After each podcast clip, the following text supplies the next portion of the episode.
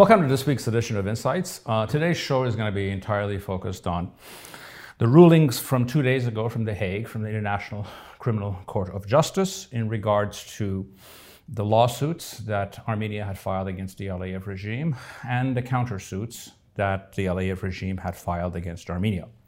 Uh, the primary charges and the, uh, that were charged that were brought by Armenia against the Aliyev regime were filed under the International Convention Against All Forms of Racial Discrimination. So it was this statute that both Armenia and the Aliyev regime are signatories to, which was the sort of the, the, the context in which most of these cases were brought. Uh, the results cannot be described in anything but a substantial victory for the Armenian side and really a terrible defeat for the Aliyev regime. Let's look back, let's step back to get a broader understanding of this court uh, and where it comes from and what it really signifies. The International Court of Justice, uh, known as the World Court, is one of the principal organs of the United Nations, and it's designed to settle disputes between states on the matters of international law and give advisory opinions to the UN Security Council. Uh, the ICJ is the only international court that uh, adjudicates general disputes between countries uh, on the matters of international law. Uh, the court, however, has no mechanism to order compliance, i.e., what, what we're used to is most courts give an order, they rule and give a decision, and that's that. That's not how this works. Uh, however, under Article 94 uh, of, that, uh, of the United Nations, the, if the countries that have lost in, in, in court in front of the ICJ, if they do not comply with their rulings, then other countries or the, lose, or the winning party can essentially go to the UN Security Council to enforce the rulings. So that the rulings, essentially the enforcement process is distinctly political and not simply legal. Now, looking at the court itself, historically, this court is a very politicized body which actually makes uh, the victory of the Armenian side, to the extent that it was so unanimous, even more amazing because they have a habit of splitting decisions, something that sort of politically pleases everyone, which is not something that they did in this case. Uh, what we're going to do in this show is we're going to go through each of these items of the rulings uh, to see what it signifies and what it means. And I think we need to understand there's essentially two, two kinds of relevant uh, findings that are coming out of this decision. The first term or the first one are the short-term victories and the short terms that they ordered. And the third one are sort of the long-term decisions, which are going to which are going to sort of work themselves through the court over the next two or three years. Uh, the short term is essentially the remedies that it ordered uh, for the Aliyev regime to act on and to comply with, while most importantly, it the court ruled that on the jurisdiction issue. Now, why is the jurisdiction issue important? Because essentially, the court ruled that Armenia has a right uh, to bring this case against the Aliyev regime on multiple matters destruction of cultural monuments, POWs, the status of Artsakh. And over the next three or four years, as, as these things work through themselves through the court, uh, it can be a vehicle or the setup to demand international protection for a people of Artsakh uh, as a legal matter and a political matter, not simply an opinion, uh, and to set up the groundwork for uh, separate, some form of legal separation of the people of Artsakh from the clutches of the Aliyev regime. Now let's look at the long-term uh, issues. What's relevant in the long-term issues is this issue of jurisdiction. What the court ruled is that Armenia has the legal right to bring cases against Azerbaijan for what is going on in Artsakh and the occupied territories around Artsakh or in Azerbaijan itself when it comes to matters of racial discrimination against Armenians, abuse of POWs, the destruction of cultural monuments, and most importantly, the protection of the rights of people in Artsakh. Uh, and what this lays the groundwork for, that over the next three or four years, as these cases move forward, and we can systematically show that given the genocidal nature of the Aliyev regime, that the Aliyev regime can have no say over the lives of the people of Artsakh. There can be the political and legal case to be made for earned sovereignty for the people of Artsakh and the Artsakh Republic, and international protection from, for the people of Artsakh from this regime that is intending to commit genocide or ethnically cleanse them out of their historic homeland.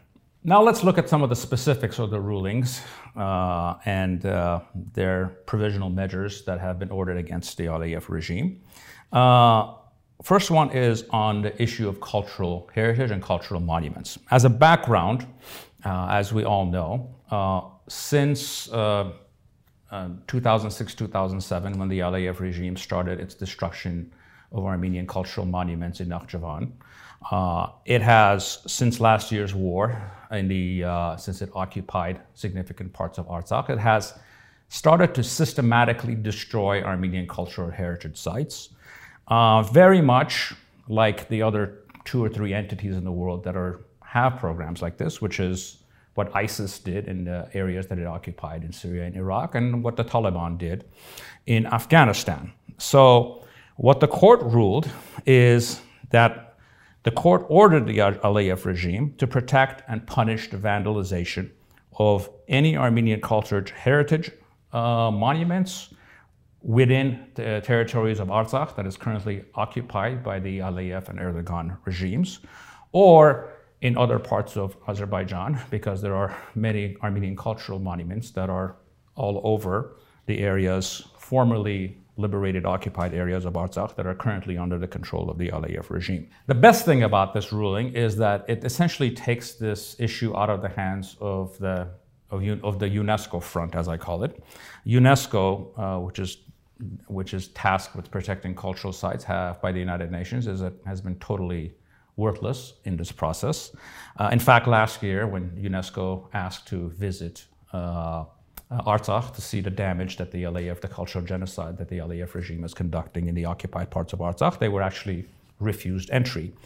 Uh, this ruling allows the Armenian side to go to the UN General Assembly or to the UN Security Council and to essentially enforce this ruling via a far more credible and powerful political bodies that can actually force their compliance. In fact, it is the task and the responsibility of the General Assembly and the Security Council to enforce this particular decision.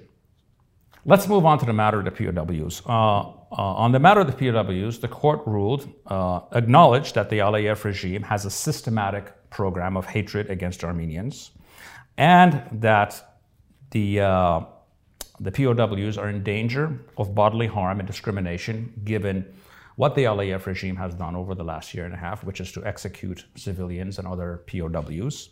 However, they did not rule that the Aliyev regime has to return the POWs because they said that is outside of their uh, legal jurisdiction. I think in this case, uh, the court really misunderstands the situation or the case of the Armenian POWs because the court ordered the Aliyev regime to respect the rights of Armenian prisoners and not to discriminate against them.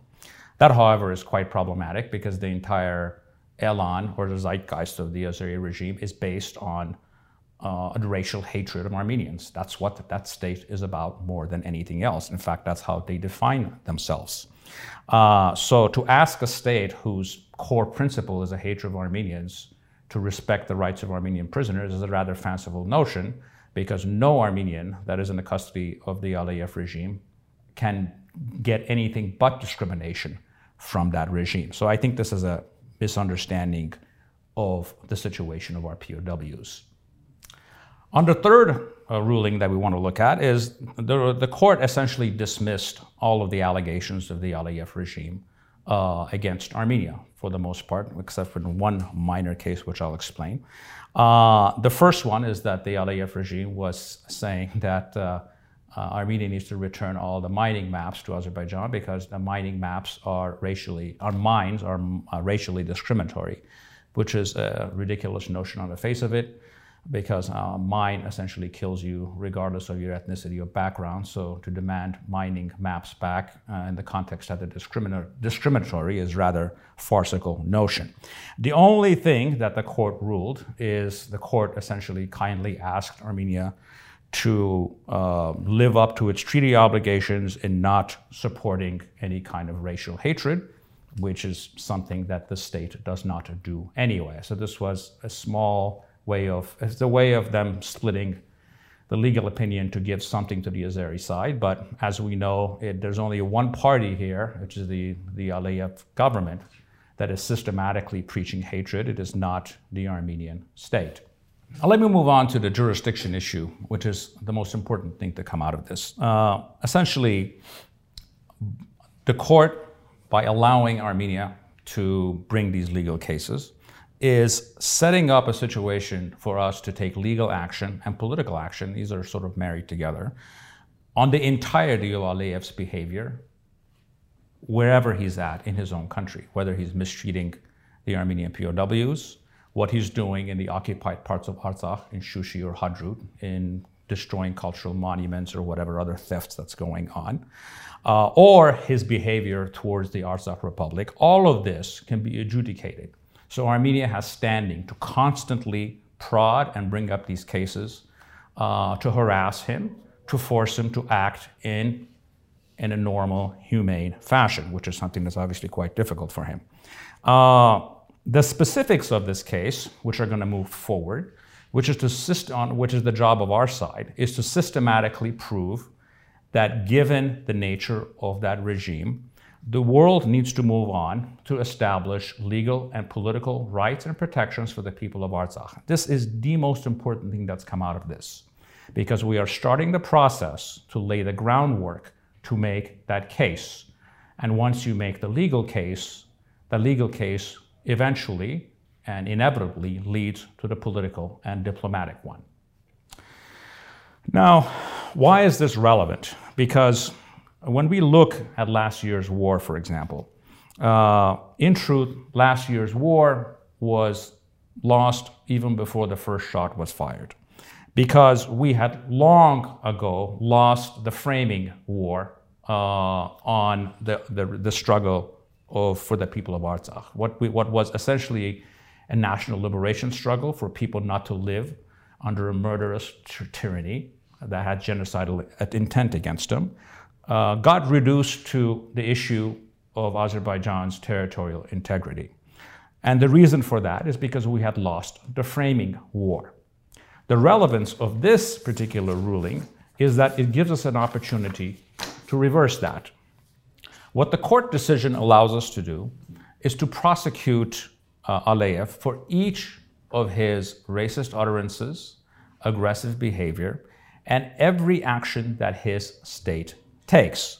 Essentially, every word that he says, every racist utterance, actually makes the case that we need to build towards the understanding that what is necessary now for the in Artsakh to solve that issue is earned sovereignty and separation from the Aliyev regime.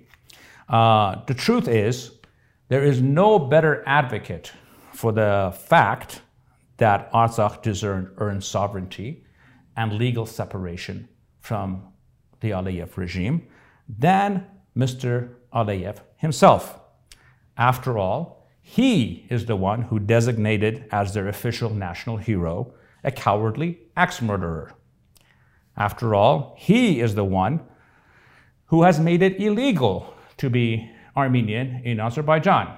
So how can you expect Armenians in Artsakh to be part of his regime when it's actually illegal for them to be Armenian in their own country? Third, he is the one who has built the entire national identity of his state over the last 30 years over racial hatred of another group. And we need to understand this. There's very little, there's very few precedences for this in history, in recent history. The only ones that come to mind is what Slobodan Milosevic did in Serbia in the 90s, and what the Nazi regime did in the 1930s, which is to build their political base on demonization of other groups and ethnicities. After all, he is the person who issued stamps showing his troops fumigating the Armenian population of Artsakh. He is the one who referred to Armenians of Artsakh as dogs that he is going to chase away. He is the one who is systematically destroying cultural monuments. And he is the one who ordered the torture and murder of Armenian POWs. And for those who say, how do you, how, how can you prove that? The fact is, in his country, he is the state and the state is him. So no one acts independently, even when it comes to war crimes. Our collective job, in conclusion, is to systematically, over the next few years, to make Aliyev eat each of his words and pay a political price for all of his actions. Let's get to work. Thank you for joining us with this week's edition of Insights.